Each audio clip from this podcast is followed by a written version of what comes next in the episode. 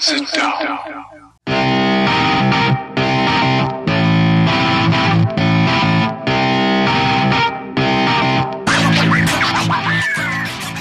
Witam wszystkich i każdego z osobna. Ja jestem Robert Kochan, a to jest Kochana NBA, najbardziej nieobiektywny podcast o najlepszej koszykarskiej lidze świata. To już 30 odcinek, troszkę wyjątkowy, bo nie tak jak zwykle w piątek, a nagrywamy go w czwartek e, po południu ze względu na moje weekendowe obowiązki, ale to, co się nie zmienia, to to, że jak zwykle razem ze mną jest tutaj Wiaro. Siema Wiaro, jak ci mija ten wieczór czwartkowy? Mm, siema Robert, cześć wszystkim. No wiesz, czwartkowy wieczór to nie jest piątkowy wieczór, więc mija mi mniej przyjemnie niż zazwyczaj, kiedy nagrywamy. E, no ale wiesz, piątkowy wieczór też się już zbliża wielkimi krokami, także no, jest ekscytacja, bo zbliża się nasz ukochany weekend. No dokładnie, dokładnie tak. Dla mnie pewnie będzie mniej przyjemny niż dla ciebie, e, ale, ale fajnie, że nadchodzi. E, słuchaj, dzisiaj porozmawiamy sobie troszkę o tym, co się e, wydarzyło w poprzednim tygodniu. Mm, dowiemy się, dlaczego e, prawda może czasem boleć. Porozmawiamy sobie o nowym przedłużeniu kontraktu Drew Holiday'a z Milwaukee Bucks, bo, bo właśnie podpisał w tym tygodniu Drew Holiday extension. No i omówimy sobie taką listę 25 mm, najlepszych zawodników poniżej 25 roku życia, przygotowaną przez e, ekspertów i analityków ESPN. No i po, porozmawiamy sobie, co. zapomniałeś. E, no, o tym sobie pewnie też porozmawiamy. Ja, ja akurat bardzo cenię te osoby, które, które tę listę przygotowały. E, wśród nich są nawet e, byli pracownicy front office'u, front office'ów zespołów NBA, więc no, nie do końca ten cudzysłów ja przynajmniej tutaj czuję, no ale ale przejdziemy pewnie do tego e, później. Zacznijmy sobie od takiej chyba no, najważniejszej e, informacji, jaka pojawiła się w tym tygodniu, a mianowicie tego, że Drew Holiday podpisał właśnie extension z Milwaukee Bucks, podpisał przedłużenie e, kontraktu o kolejne 4 lata no, maksymalne, jakie chyba tylko mógł sobie zażyczyć. Milwaukee spełniło wszystkie jego zachcianki. Ten kontrakt e, opiewa na 135 e, milionów e, dolarów gwarantowanych pieniędzy właśnie przez te cztery lata, no ale do tego są też różnego rodzaju dodatki za liczbę gier, za liczbę punktów, asyst, zbiórek i tak dalej, i tak dalej. Łącznie tego wszystkiego jest około 25 milionów, więc ten cały kontrakt, on opiewa na no, 160 milionów dolarów i perfekcyjnie wpisuje się w timeline pozostałych kontraktów najważniejszych zawodników Milwaukee Bucks, bo, bo dokładnie pokrywa się z tą długością kontraktu Chrisa Middletona, no i jest tylko o rok krótszy od tego, e, co ma Janis. E, żeby tutaj jeszcze dodać reszty informacji, to ostatni rok tego kontraktu to jest, e, to jest player option. I powiedz mi, co Twoim zdaniem ten kontrakt oznacza dla Bucks i, i co o tym wszystkim sądzisz? Znaczy, pierwsza rzecz, cieszę się bardzo, że Drew Holiday taki kontrakt dostał. To jest, y, jak już zapewne ty wiesz i nasi słuchacze pewnie też, gość, którego ja bardzo cenię sobie, nie tylko za jego boiskowe umiejętności, ale też za jego historię pozaboiskową ciepło, ciepło po prostu myślę o tym, o tym gościu i bardzo mi jest osobiście miło, że ktoś mu taki kontrakt w NBA zaproponował. Tym bardziej, że w NBA gorsi zawodnicy już dostawali większe pieniądze od niego. Może nie większe, ale no też maksymalne kontrakty, bo to większych pieniędzy niż w tym roku, czy, czy, czy też w dzisiejszych czasach, to, to ciężko oczekiwać, że były gdzieś kiedyś. No, jednak te, te garze płacowe NBA skaczą bardzo mocno z roku na rok. A co to oznacza dla Bucks? Bo to jest myślę ciekawsze pytanie i na pewno taka rzecz, która bardziej interesuje wszystkich dookoła.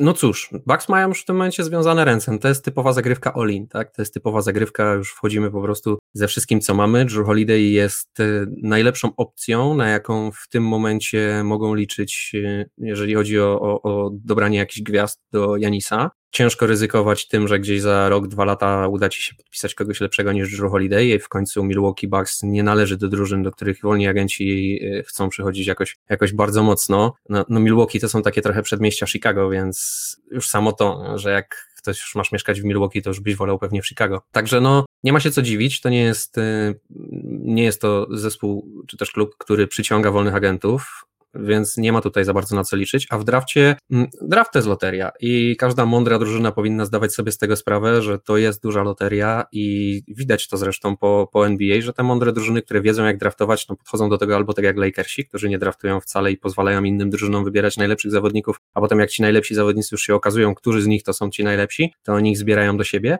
e, no albo tak jak choćby mm, Oklahoma City, która po prostu idzie na ilość, jeżeli chodzi o te piki i w końcu im się ktoś dobry z tym którymś z tych wysokich pików trafi.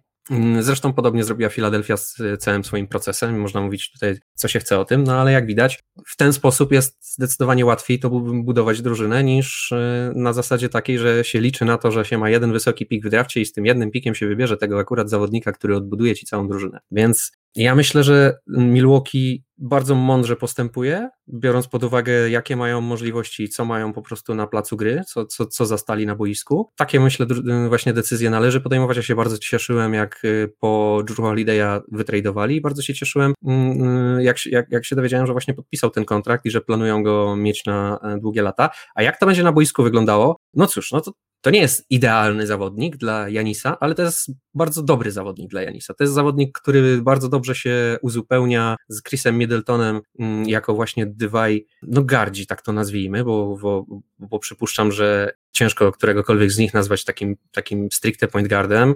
Drew Holiday nie jest takim, takim tego typu zawodnikiem. Natomiast no, mm, na pewno na tych pozycjach właśnie skrzydłowych będą grali. No i to jest no myślę, no, no, taka trójka, na której można polegać. Można liczyć na to, że ona coś w tych, y, w tych playoffach na wschodzie pokaże. Aczkolwiek, no wiesz, teraz biorąc pod uwagę, jak wygląda konkurencja i co się dzieje w, nie wiem, w Nets na przykład, no to nie wiem, no każdy robi co może, wyścig zbrojeń w NBA trwa w najlepsze, każdy się zbroi po zęby, jak, jak się tylko da, i na wschodzie, i na zachodzie, więc no nie ma tutaj, myślę, za dużo dyskusji co do tego, czy to była mądra decyzja, czy nie, to była jedyna słuszna decyzja, jaką Milwaukee mogło podjąć w, w tym temacie, mm, natomiast czy to się bardzo opłaci, jak bardzo to się opłaci, Zobaczymy. Drew Holiday na razie nie miał okazji jeszcze rozwinąć skrzydeł w Milwaukee. To jest naprawdę dobry zawodnik, który jest po obu stronach boiska bardzo wartościowy i w defensywie, i w ofensywie, i bardzo mądry. Taki spokojny zawodnik, który potrafi uspokoić tą całą ofensywę, potrafi poukładać grę zespołu, ale potrafi też grać bez piłki, potrafi dorzucić kiedy trzeba. Taki no, naprawdę mądry zawodnik. Może nie jest wybitny w tym, co robi, ale jest bardzo dobrym all-rounderem mm, i myślę, że na tej pozycji w, razem z Chrisem Middletonem właśnie w tym backcourcie będą stanowić takie solidne duo, na którym Janis będzie mógł polegać w każdym meczu, a przynajmniej w większości meczów, no i liczyć na to, że razem gdzieś coś ugrają, a czy ugrają, no to, to zobaczymy, łatwo nie będzie. No, pięknie tutaj odpakowałeś e, bardzo, bardzo wiele rzeczy. No, w zasadzie powiedziałeś e, niemal wszystko. Ja może spróbuję gdzieś tam troszkę uzupełnić to jak, to, jak to wygląda z mojej perspektywy, no bo rzeczywiście wydaje się, że Milwaukee nie miało tutaj e, za bardzo wyjścia. Wytradowali po tego Drew Holiday'a bardzo dużo, w zasadzie całą swoją przyszłość. No i już od początku, jak Drew tam przyszedł, rozpoczęli pracę nad tym przedłużeniem. Tutaj Drew Holiday miał nad nimi taką przewagę, przewagę, no, że wie, y, jaką drużyną jest Milwaukee, wie, że Milwaukee nie przyciąga wolnych agentów i że jeżeli y, nie będzie to Drew Holiday, to ciężko im będzie znaleźć równie e, wartościowego point guarda. To jest, e, jakby nie mówić, najbardziej chyba kluczowa pozycja, jeżeli chodzi o e, każdy zespół NBA, więc Drew Holiday wykorzystał właśnie tę swoją przewagę, no i załatwił sobie bardzo, bardzo, bardzo duży kontrakt. Zresztą Janis na, na swoich social mediach nieźle sobie z tego też pożartował, bo, bo umieścił taki filmik, jak to właśnie na e, shootaroundzie, na, na takim rozrzucaniu przedmeczowym właśnie podchodzi do, do Drew Holiday'a i, i nazywa go Mr. Big Money e, i, i tak dalej, po czym, po czym Drew e, odpowiedział mu, że no przecież to on ma najwyższy kontrakt w historii NBA, e, obaj, obaj się tam nieźle, nieźle pośmiali, e, więc e, no moim zdaniem takie naprawdę też wartościowe mm, zatrudnienie, bo tak jak wspomniałeś, no Drew Holiday może nie jest tym takim top of the top point guardem w lidze, nie jest to Damian Lillard czy, czy Stephen Curry, ale z drugiej strony jest to gracz no w zasadzie kompletny i to tak jak też wspomniałeś po obu stronach boiska, więc jeżeli nawet wystawiasz go przeciwko takiemu Keremu czy, czy takiemu Lillardowi, no to jakby nie martwisz się za bardzo, wiesz, że ten Drew Holiday sobie poradzi. On Wręcz ma też... przeciwnie, e, to jest bardzo duża jego siła, nie? No właśnie w takich sytuacjach. No, on do tego też e, udowodnił, e, że, że w, tym, w tych Bucks potrafi grać naprawdę dobrze, kiedy, kiedy już pojawiał się na boisku e, w tym sezonie i grał razem z Janisem, no to Bucks mieli naprawdę dobre wyniki, więc taki naprawdę no, solidny, solidny point guard. I ciężko by było znaleźć lepszego następcę. Natomiast też to, co już powiedziałeś, tak, no Milwaukee już jakby określiło swoją przyszłość na najbliższe lata, już wiedzą, że będą opierać się właśnie na tej trójce zawodników, na Middletonie, na Drew Holidayu i na Janisie. Tak naprawdę są w tym momencie czwartą drużyną w NBA, która e, w swoich księgach ma trzy kontrakty powyżej 100 milionów e, dolarów. Dołączyli do Golden State, e, do Filadelfii i, i do Brooklyn Nets. Każdy z tych zespołów właśnie ma w swoich szeregach trójkę, trójkę zawodników zarabiających ponad 100 milionów dolarów na, na, na kontrakcie. E, no i właśnie e, no Milwaukee troszkę sobie związało ręce, ale jednocześnie też wydaje mi się sprawili dużą radość i dużą frajdę e, Janisowi, no bo jednak to utrzymywanie Janisa w stanie zadowolenia jest, jest niezwykle dla nich ważne w końcu no on w jakiś sposób też zaufał im, podpisując e, tego Supermaxa razem z nimi, no i widać, że, że są gotowi zrobić naprawdę dużo, żeby no, zapewnić mu odpowiednie wsparcie do tego, żeby, żeby Janis mógł dla nich powalczyć o, nawet jeśli nie o mistrzostwo, to o te finały NBA. No i, i, i zobaczymy, jak to będzie. Na pewno Drew Holiday szybko w Milwaukee się zadomowił. On już e, teraz mówi, że, że ma wrażenie, że ta drużyna jest dla niego troszkę jak e, rodzina, a dobrze wiemy, wiemy, jak Drew Holiday bardzo ceni sobie to swoje rodzinne życie, no i y, sam o sobie powiedział, no, że będzie już e, back for life, tak, e, więc, więc chyba tutaj e, będzie planował no, do końca kariery w tych Bucks pograć.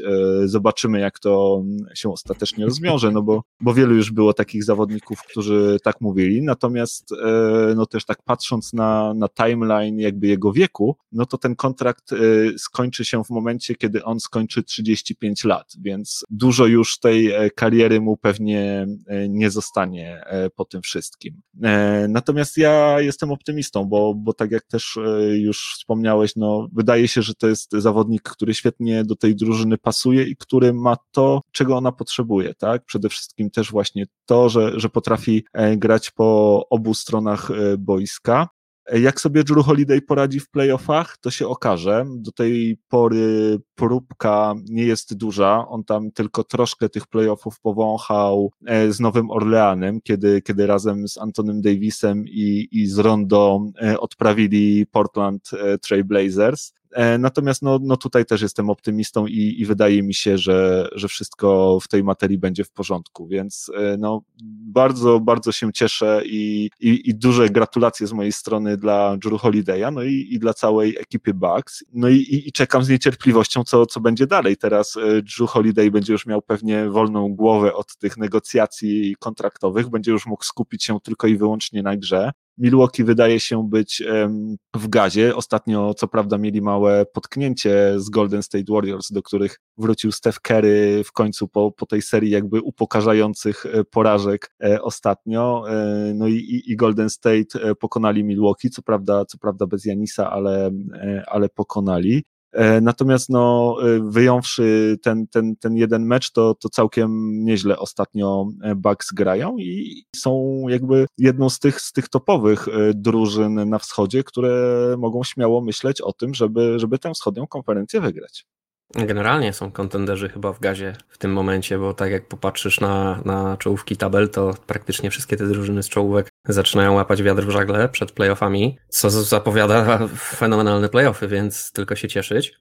A kończąc jeszcze wątek Drew Holiday'a, no to myślę, że, że właśnie bardzo fajnie to podsumowałeś. No, teraz już nie zostaje nic, tylko grać w kosza, no i pokazać, że się jest wart takiej kasy, nie? Że, że, to był, że to był dobry ruch, że to, że to nie było że to nie jest tylko, wiesz, patykiem na wodzie pisane, tylko że naprawdę coś z tego będzie, nie? No i Anis też już nie ma za bardzo no w ogóle w Milwaukee już jakby wszystko zostało powiedziane, karty zostały wyłożone na stół, wszystko jasne, teraz gramy, tak? No i zobaczymy po prostu, gdzie jest sufit tej drużyny. Ja kibicuję, jak zawsze, wiesz, ja Janisa uwielbiam, kolegów ma fajnych, także może Chrisa Middletona jakimś wielkim fanem nie jestem, ale tak ogólnie e, Milwaukee też, wiesz, drużyna bliska jednemu z naszych e, bardzo bliskich przyjaciół, także jest dużo, dużo e, okazji do tego, czy też dużo przesłanek do tego, żeby im kibicować i, i, i miło gdzieś tam ciepło o nich myśleć, także no cóż, ja trzymam kciuki tak samo jak i ty.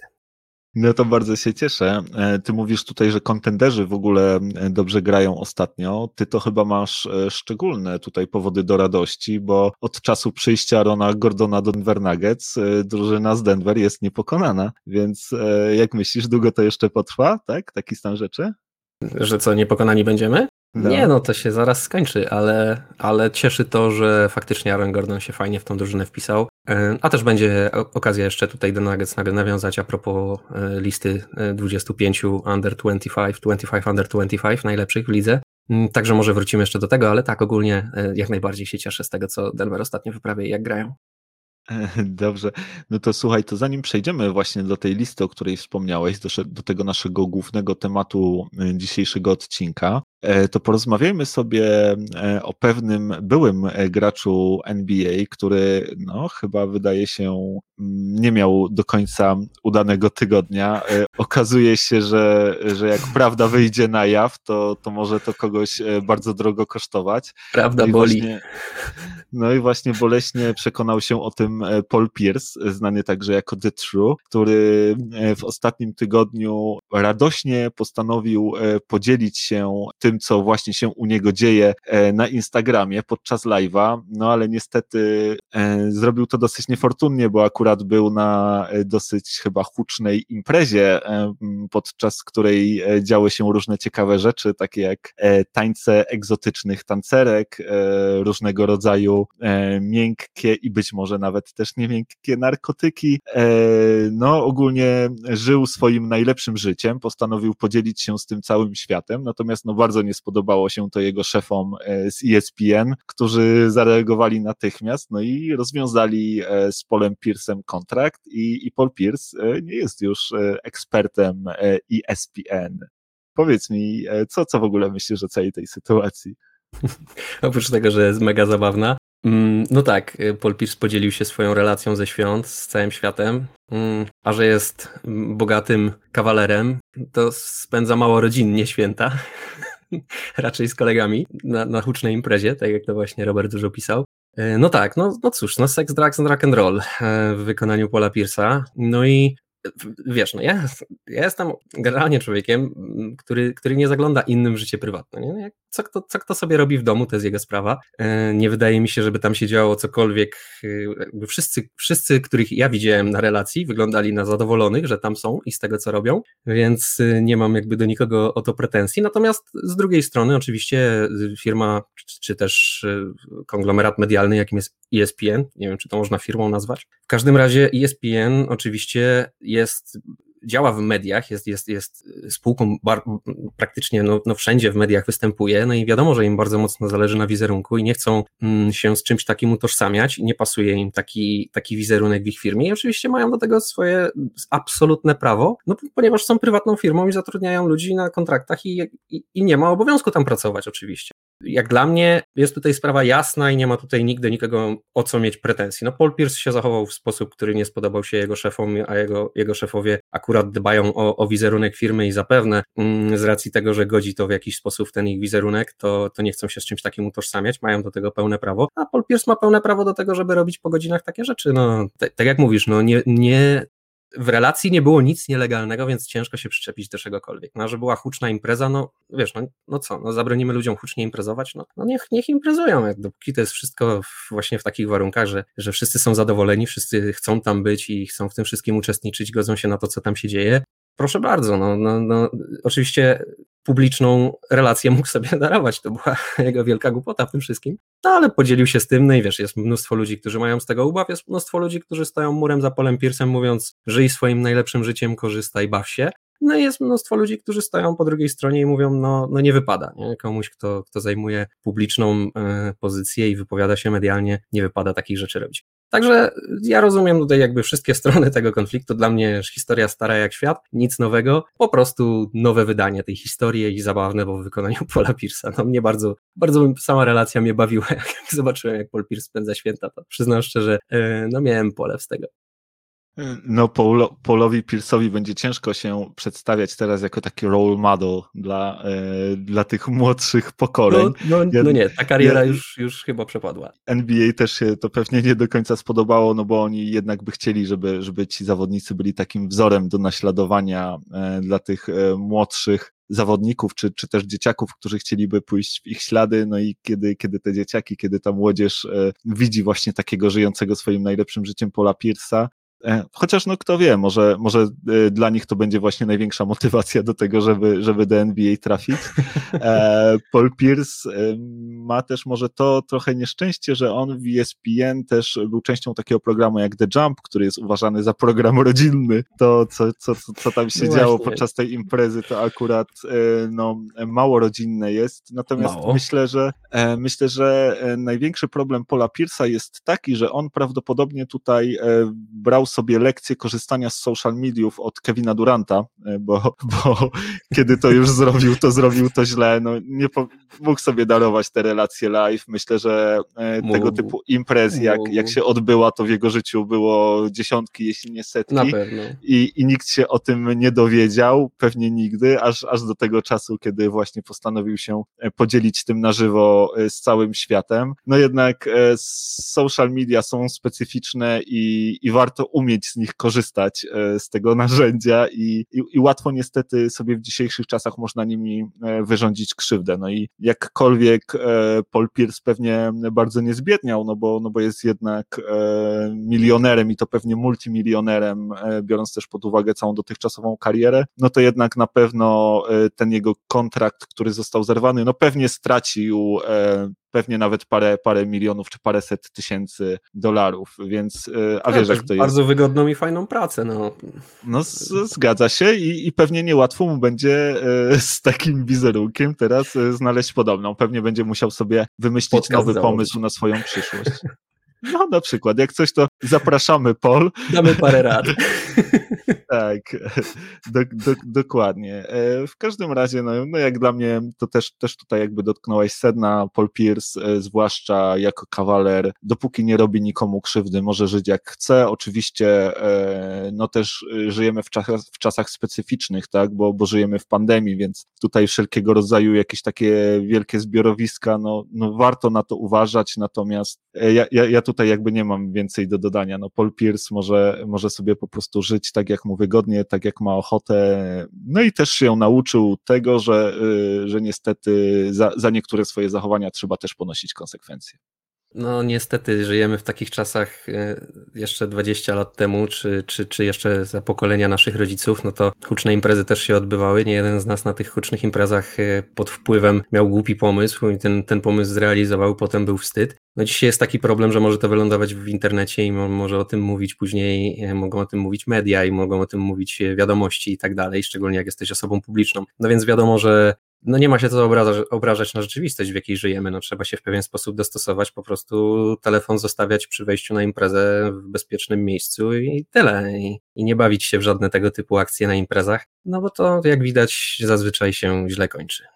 No, do zyskania jest naprawdę niewiele, bo, Bardzo tutaj mało. co może e, jakieś ewentualnie oklaski w komentarzach od części fanów, natomiast do stracenia jest zwykle bardzo, bardzo, bardzo no, dużo, więc chyba, chyba po prostu nie warto. E, będzie mi na pewno szkoda, bo ja lubiłem e, Pola Pierce'a posłuchać. To była bardzo taka wyrazista osobowość e, medialna. Można się było pośmiać z tego, co mówi. Czasami też rzeczywiście trafiał w samo sedno z, z niektórymi swoimi analizami, ale, ale lubiłem bardzo tego gościa i, no i będzie mi go najzwyczajniej w świecie brakowało troszkę na, na tym kanale ESPN.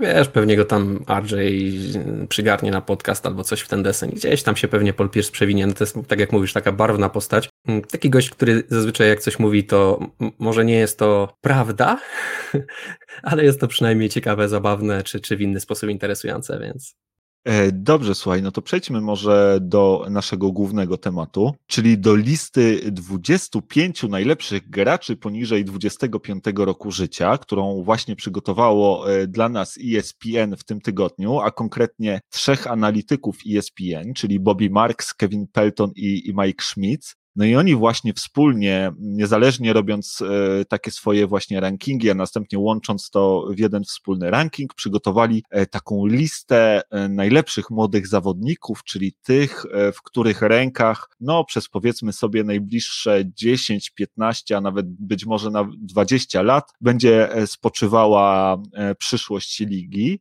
E, wokół tego rankingu no, sporo komentarzy różnych się pojawiło. E, część pochlebnych, dużo częściej pojawiają się te niepochlebne. Ten ranking jest e, dosyć kontrowersyjny.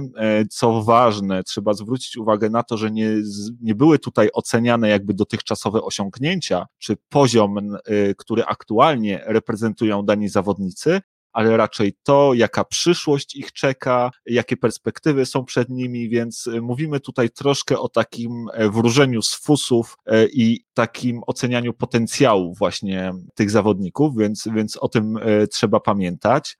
Ja tak może szybko przelecę te nazwiska, żebyśmy wiedzieli, kto mniej więcej gdzie się znajduje, no i potem sobie o tym może troszkę porozmawiamy. Numer jeden to Luka Doncic, numer dwa Zion Williamson, trzy Lamelo Ball, 4 Donovan Mitchell, 5 Jason Tatum, 6 Diaron Fox, 7 Ben Simmons, 8 Devin Booker, 9 Bam Adebayo, 10 Shea Gilgis Alexander, 11 Brandon Ingram, 12 Jalen Brown, 13 Jamal Murray, 14 Michael Porter Jr., 15 Jamorant, 16 Trey Young, 17 Michael Bridges, 18 Domantas Sabonis, 19 Anthony Edwards, 20 DeAndre Ayton, 21 Tyrese Halliburton, 22 John Collins, 23 Jared Allen, 24 Lonzo Ball i 25 Colin Sexton. Tak się prezentuje mm, ta lista y, ESPN. No i powiedz mi, Wiaro, w ogóle, co ty o tym wszystkim myślisz i jak ci się y, ta lista podoba? Tak ogólnie najpierw zacznijmy. Mhm. Wiesz co, no w ogóle nawiązałeś tutaj do paru fajnych rzeczy i cieszę się, że zwróciłeś na to uwagę. Pierwsze co, to powtórzę po tobie. Bawimy się we wróżenie fusów i tak naprawdę chodzi o to, jak dobrze kto potrafi wróżyć z fusów bo nic innego tutaj tak naprawdę nie oceniamy. Na, na podstawie tego, co widzieliśmy po tych zawodnikach do tej pory, staramy się wywróżyć na oko, którego z nich najlepiej byłoby budować drużynę na przyszłość. Więc na takiej zasadzie też tutaj panowie, którzy przygotowywali tą listę, działali i, i tak ją należy też rozumieć, ale to wciąż jest ogromne wróżenie, wróżenie z fusów, więc nie ma się tutaj co, co spierać, że to są jakieś wielkie eksperckie listy i, i, i, i to tak po prostu jest i już tak na pewno będzie. E, bardzo tutaj jest wiele niewiadomych jeszcze. A druga sprawa, to bardzo się cieszę, że przytoczyłeś całą listę, bo faktycznie wokół tego bardzo dużo się ostatnio mówi w mediach wokół NBA. Natomiast bardzo dużo się przede wszystkim mówi o tym, że Lamelo Ball jest na miejscu trzecim, no i że to jest w ogóle jak to, jak to, nie? E, natomiast mało się mówi o tym, co jest dalej, jak to wygląda choćby po, po numerze dziesiątym, a tam też jest bardzo ciekawie i, i, jest kilka rzeczy, które mnie mocno zaskakują, jeżeli chodzi o, o patrzenie tutaj e, właśnie tych trzech panów. No ale też kolejna rzecz, którą trzeba podkreślić, to jest lista, którą zrobiło trzech gości, tak? Znaczy trzech gości, którzy są oczywiście analitykami i tak dalej, ale wciąż to jest tylko lista trzech osób, to nie jest jakaś, jakiś konglomerat wszystkich pracowników ESPN czy coś w ten deseń, tak? Więc tutaj też rozmawiamy rozmawiamy e, tylko i wyłącznie o opiniach. Także nie ma się co spierać bez nerwów i bez jakiegoś takiego tutaj e, ostrego działania, bo, bo nie, ma, nie ma moim zdaniem mm, podstaw do tego. Więc tak ogólnie lista mi się średnio podoba. Ja bym dużo tutaj na tej liście pozmieniał i, i wiele jakby nazwisk nie jest e, moim zdaniem tam, gdzie być powinno. Nie spieram się za to numeru jeden.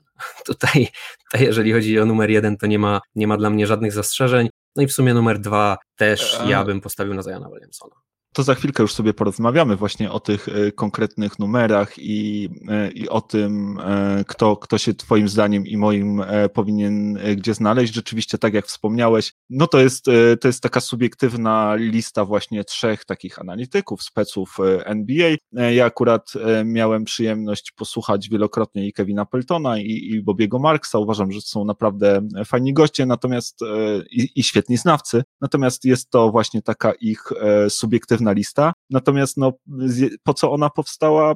Po to właśnie, żeby, żeby cały świat NBA mówił o ESPN i, i wymieniał ich nazwę w każdy możliwy sposób, debatował, czy, czy to jest fajne, czy nie. Oni po prostu stworzyli ciekawy content, gdzie, gdzie podzielili się swoją opinią, a teraz cały świat właśnie dyskutuje o tym, czy ta opinia jest słuszna, czy nie.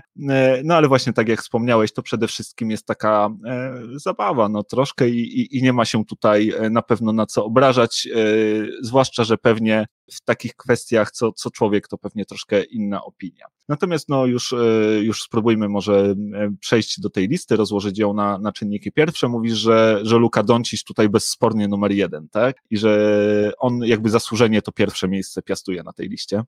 No w moim odczuciu tak, jeżeli w ogóle chodzi właśnie o pierwsze dwa numery, to, to nie ma się tutaj moim zdaniem nad czym rozwodzić. Luka, no to ciężko chyba znaleźć kogoś, no kogo innego postawisz na tym miejscu Zajona, no to musiałby być naprawdę ktoś wielkim fanem po prostu Zajona, żeby tak mówić moim zdaniem. Na dzień dzisiejszy Luka daje nam do myślenia tylko tyle, że będzie po prostu jednym z najlepszych zawodników, który kiedykolwiek grał w tej lidze, więc nie widzę tutaj drugiego zawodnika, który miałby taki potencjał jak Luka. Mm, a jeszcze weźmy pod uwagę, że Luka jest na, na pewno najlepszym zawodnikiem w tym momencie ze wszystkich tych zawodników, którzy są tutaj na liście. Także on, on tutaj moim zdaniem przoduje w obu kategoriach, nie ma tutaj żadnego sporu. Zion Williamson chyba też już udowodnił wszystkim, że ma potencjał po prostu niezwykły i nie wiadomo jak daleko ten jego potencjał sięga. Naprawdę ten gość może, może cuda robić w przyszłości.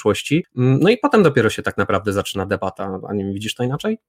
E, nie, nie, dokładnie, dokładnie tak samo. Ja mam wrażenie, że, że Luka Doncic, e, on wyrasta e, ponad tą listę, tak? To jest jedyny chyba zawodnik z całej tej listy, no, który już teraz może być śmiało gdzieś tam wymieniany też w tej debacie potencjalnych kandydatów do tytułu MVP, więc on już jest jakby w tej, w tej kategorii wyżej, tak? On, on jest w tym tierze z najlepszymi zawodnikami NBA, to jest gość, który, który ma, ma, ma klucze do, do, do własnej franczyzy i prowadzi ją naprawdę świetną stronę i wydaje się, przed nim świetlana przyszłość, więc tutaj e, absolutnie nie widziałbym e, innego numeru jeden niż, e, niż właśnie Luka. Jeśli chodzi o numer dwa, no tutaj wiele osób też mówi, że, że właśnie Zion Williamson ja aż tak może, żebym tutaj jakby 100% pewności, że właśnie Zion jest tym, tym drugim e, najlepszym zawodnikiem z tej listy. Może nie mam aż, e, aż takiej stuprocentowej pewności, no ale, ale wydaje się, że, że prawdopodobnie tak, bo, bo Zion już teraz jest jednym z lepszych e, ofensywnych zawodników NBA, z pewnością jest w absolutnym topie, jeżeli chodzi o grę w farbie, w obrębie kosza. Na pewno ma jeszcze bardzo, bardzo, bardzo dużo do nadrobienia w defensywie, będzie, będzie musiał nad tym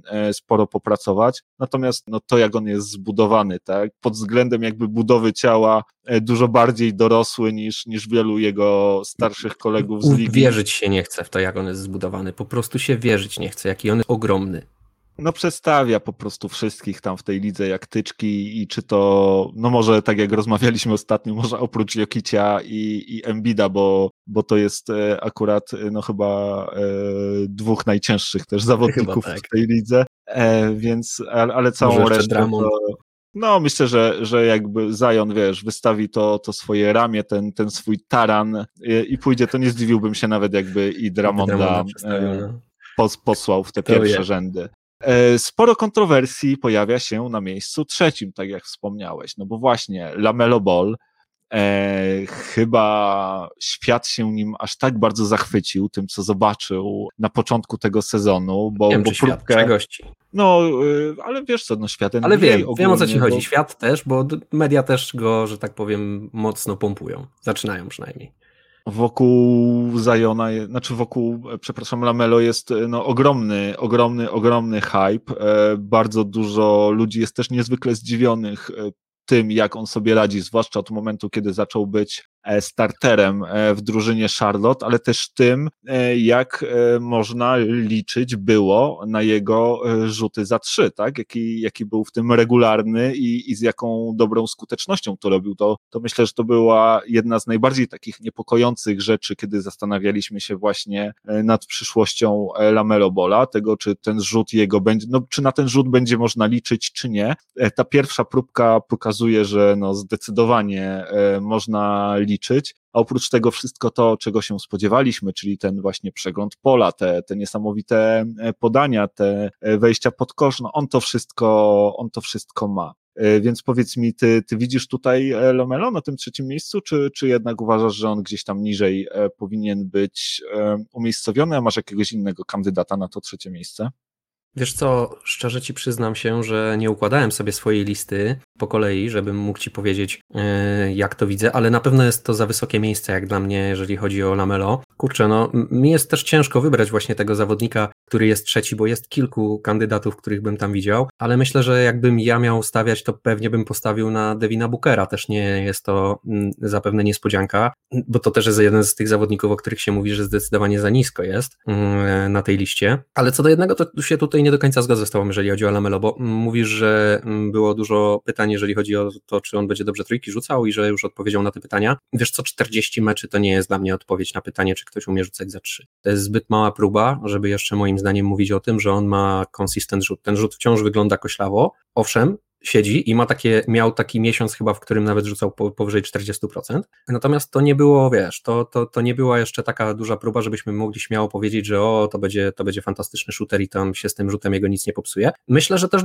dużo jego brat jakby tutaj optymizmu wprowadza, tym, że, że jego brat jednak poprawił bardzo mocno tą swoją formę rzutową i, i, i też procenty za trzy też zaczynają rosnąć u niego, więc y, te, też, też pewnie ludzie sobie to przekładają na Lamelo, bo Lamelo jest y, jakby nie było uważane za najbardziej najbardziej utalentowanego i takiego naj, najbardziej perspektywicznego z tych braci Ball.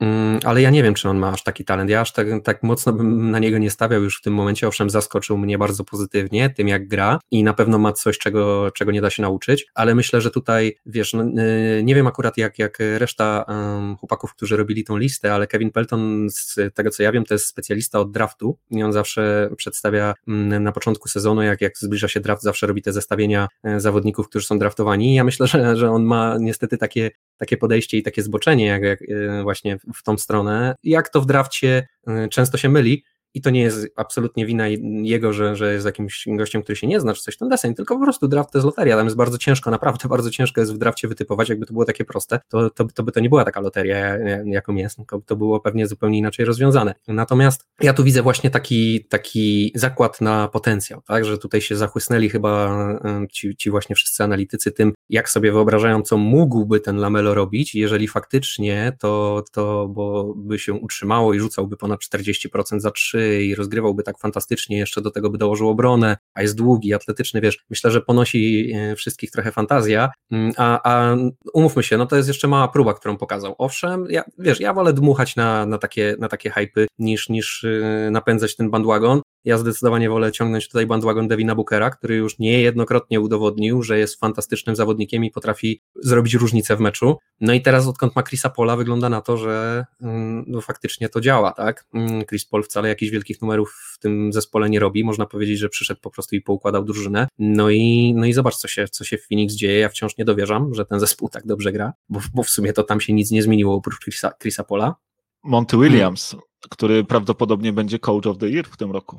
Ale zmianą jest tak naprawdę Chris Paul. No to Monty Williams już miał parę innych drużyn pod swoją kontrolą i w paru fantastycznych zawodników, jak choćby Anthony Davis, i wcale takich cudów z nimi nie robił. Ja wiem, że to jest dobry coach, jasna sprawa, nie? Ale to nie jest moim zdaniem to, ja bym ja miał stawiać na to, co zmieniło, odmieniło tą drużynę, to zdecydowanie e, stawiałbym na ten właśnie czynnik Chrisa Pola i, i, to, że to on jest tym, że, że to jakby dzięki niemu Phoenix tak gra i tak wygrywa. Mm, Nie, Także no, tutaj... Zdecydowanie, zdecydowanie, zdecydowanie. Natomiast e, gdzieś tam też wracając do, do tego Lamelo Bola, to ja absolutnie rozumiem to, co ty mówisz, bo, bo to jest też coś, o czym ja wspomniałem, tak? Ta próbka jest niezwykle mała i my teraz e, gdzieś tam żyjemy Dokładnie. troszkę ba bajką i wyobrażeniami, tak? I e, rzeczywiście nie, nie, nie, możemy być pewni tego, że, że ta forma rzutowa Lamelo Bola się utrzyma i że on, bo ten rzut e, nie wygląda zbyt pięknie, tak? Jeżeli, jeżeli chodzi tutaj o taką kwestię e, mechaniki rzucania. Natomiast no myślę, że wszyscy bali się, że już teraz zobaczą, że, że po prostu Lamelo rzucać nie umie, a tego do końca nie widać nie? Bo, bo on jednak e, pokazał, że jest szansa na to, że to będzie wpadało. O, przynajmniej tak, e, tak to ujmę. Co ciekawe, e, właśnie na tej liście 25 zawodników jest dwóch braci Ball i Lamelo właśnie jest na trzecim miejscu, Lonzo na 24, więc pewnie w rodzinie Lamelo tam troszkę szydzi sobie ze starszego brata, pokazując mu, a popatrz, popatrz, Wajzo, gdzie ty jesteś, a gdzie ja i, i kto tu najlepszym bolem w rodzinie bolów jest, e, więc, więc, więc pewnie jest taka, taka mała rywalizacja, zwłaszcza, że oni no już od najmłodszych lat ze sobą rywalizują i, i, i grywają. Natomiast też uważam, że Lamelo no troszkę pewnie gdzieś niżej się powinien znaleźć. Podobnie jak ty nie mam tutaj przygotowanej e, tego, tego typu własnej listy. Zresztą myślę, że to też e, no nie jest łatwe, bo, bo bardzo wielu tych zawodników no oni mają jest, nie. niesamowicie podobny potencjał, no ale wy, wydaje mi się, że część z nich e, można powiedzieć, że, że powinna być troszkę wyżej albo, albo przynajmniej troszkę niżej. Ja na tym trzecim miejscu widziałbym Jasona Tatuma. E, moim zdaniem to jest e, właśnie ten gracz, który też troszkę ponad tę listę wystaje. On już wchodzi e, na ten tier superstarów. Jeżeli już na nim nie jest, to, to, to powoli właśnie e, puka do tych drzwi. No i, i też e, faktycznie ten sezon ma troszkę gorszy. Pewnie dlatego e, ta jego pozycja w tym rankingu jest, jest taka, no nie aż taka pewnie jakby sobie życzył, bo, bo jest to piąte miejsce. No ale ten sezon jest dla, rzeczywiście dla niego trudny, tak? On bardzo prze, trudno przeszedł tego koronawirusa, bardzo ciężko mu było potem wrócić, zresztą sam przyznawał, że, że nie do końca jeszcze się czuje w pełni sprawny, że, że odczuwa skutki i, i, i też większe zmęczenie. Celci też nie radzą sobie najlepiej w tym sezonie, no ale to akurat y, winą tej Tuma y, nie jest, że nie mają y, centra i, i, i wysokich zawodników i że Kemba non-stop łapie kontuzję i, i Smart też bardzo długo nie grał. Natomiast no wydaje mi się, że, że jak patrzę tutaj i gdybym się zastanawiał właśnie, którego z tych zawodników chciałbym też mieć, wokół którego budować swoją franczyzę, no to myślę, że, że Jason Tatum byłby tutaj e, w absolutnym topie. No tutaj się zgadzamy absolutnie. Ja też go widzę zdecydowanie wyżej, znaczy zdecydowanie wyżej. Ja go widzę zasadniczo zaraz po Devinie Bookerze na czwartym miejscu i przed Donovanem Michelem, który też e, mimo całej mojej sympatii do tego zawodnika, e, no ma swoje, ma swoje ograniczenia przede wszystkim fizyczne, nie jest zawodnik, nie jest wielkoludem na tej liście, no i to, to zawsze jest y, no w porównaniu choćby właśnie do Jasona Tatuma czy Lamelo Bola choćby, nie? no to, to, to, już są, to już są rzeczy, które, które na pewno bierze się pod uwagę, mm, szczególnie w takim właśnie dalekosiężnym planowaniu drużyny. Także tutaj nie wiem, Donovan Mitchell zapewne na mojej liście top ten by się znalazł, ale zapewne dużo niżej. E, no i powiem Ci tak, ja mam tutaj jednego cichego kandydata, który moim zdaniem jest zdecydowanie za nisko i no nie będę ukrywał, sam jestem zdziwiony tym, że to mówię, a mianowicie Shea Gilgis Alexander. Wydaje mi się, że Shea Gilgis Alexander jest lepszym zawodnikiem, jest, jest naprawdę takim zawodnikiem, na którym można zbudować drużynę. Myślę, że to jest gość, o którym po prostu się nie mówi. A pamiętasz, jak mi nie wierzyłeś? Jak nie pytałeś ci. się mnie, czy to będzie zawodnik, który będzie zdobywał 15 punktów regularnie? Nie wierzyłem lidze? ci za nic. Tak, tak było. Oj, a ja od początku mówiłem, ja widziałem po prostu, widziałem ten błysk wokół, widziałem tę inteligencję boiskową i, i, i wiedziałem, że to jest kwestia tylko tego, żeby ta gra troszkę dla niego zwolniła, bo, e, no bo to jest naprawdę fenomenalny talent. Natomiast ja akurat uważam, że on gdzieś tam jest mniej więcej na swoim miejscu, że to jest mniej więcej ten tier e, właśnie, nie wiem, Bana, Bama Adebayo czy, czy Bena Simonsa, to jest ten, ten poziom takich... Nie, to ja myślę, że jest lepszy od obu tych zawodników a, absolutnych gwiazd ligi. E, ja powiem Ci szczerze, że jeżeli o mnie chodzi, to wyżej na pewno dałbym zarówno Jamoranta, jak i Treya Younga okej, okay, e, każdy z nich ma swoje problemy i ma swoje wady, natomiast są to gracze, którzy już teraz są e, kluczowymi zawodnikami swoich franczyz i którzy e, fantastycznie pasują do tego nowoczesnego NBA. Trey Young jest w zasadzie no, uosobieniem tego, czym pewnie NBA stanie się w najbliższe, przez najbliższe lata. Te, te, te jego rzuty z połowy wojska, jeżeli to będzie siedzieć, no, no na pewno, na pewno wydaje mi się, że, że wielka, wielka przyszłość przed nim. Zobaczymy, jak e, ten brak jego zupełnej gry w obronie e, tutaj wpłynie na przyszłość drużyn, w których będzie grał. Jamorant ma troszkę inne problemy, on z kolei ma, ma problemy z rzucaniem. Wszyscy też spodziewali się być może, że, że on ten jeszcze jeden krok do przodu zrobi. No nie do końca się, się tak stało. Słabo rzuca za trzy, bo, bo chyba w tym sezonie nawet poniżej chyba 30%.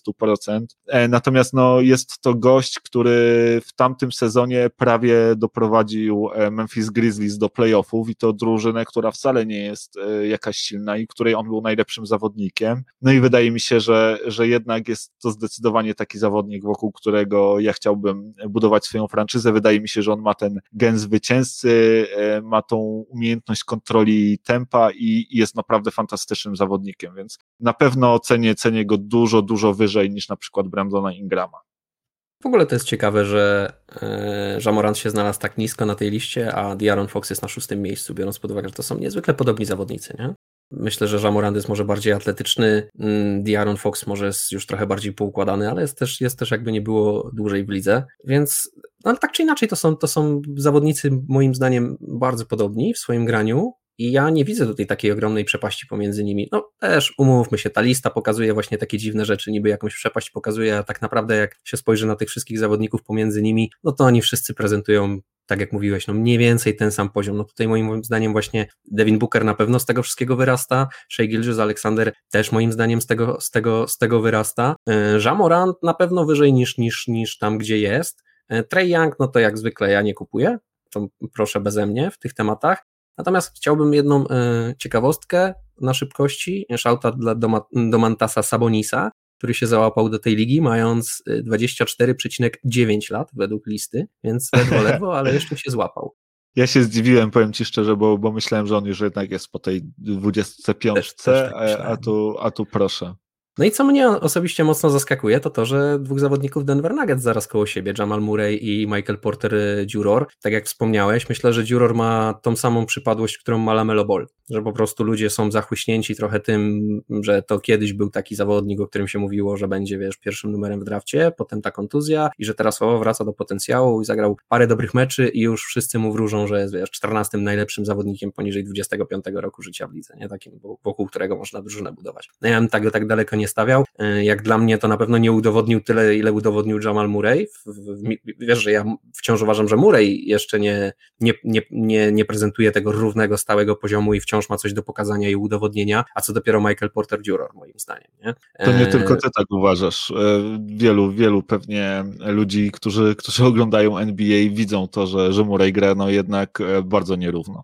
Do swoją drogą, że gra. Znaczy, on, gra, on nie gra tego, co gra w playoffach. On nawet nie gra nierówno, jakbyś się przyjrzał. On w miarę gra to samo w, w każdym meczu, ale to nie jest, on gra po prostu, no, no, nie jest to eksplozywny zawodnik taki, który wiesz, daje ci te 27 punktów na mecz, tylko daje ci 17 punktów na mecz, a od czasu do czasu wystrzeli za, za te dużo punktów. No ale wiesz, teraz też jest, też jest na pewno inaczej w drużynie, bo jest komu grać, nie? To, to, to już nawet Jokic takich numerów nie kręci, jak jeszcze przed przyjściem Arona Gordona, no bo, no bo umówmy się, no bo jest jeszcze jeden zawodnik do tej, do tej miski z żarciem, nie? Którego trzeba, który też nie może głodny wyjść. Także y, jest komu grać, natomiast na pewno y, nie są to zawodnicy, y, którzy powinni być obok siebie, Jamal Murray i, i Michael Porter Juror, moim zdaniem. Jamal Murray jest mniej więcej tam, gdzie bym go widział. Może, może ja bym go postawił przed Jalenem Brownem, może bym go postawił przed Brandonem Ingramem, ale pewnie gdzieś w tamtych okolicach, gdzieś, gdzieś, gdzieś, ten deseń. Przyznam ci się szczerze, że pewnie bym wolał mieć Shea Gilgiusa Aleksandra zamiast e, Jamala Murraya w drużynie. Aczkolwiek wciąż Jamal Murray bardzo dużo już pokazał w playoffach, jednak nie mogę mu tego też zabrać i, i, i tak mocno go oceniać pod kątem sezonu zasadniczego. Może on ma taką przypadłość, jaką Marondo, nie?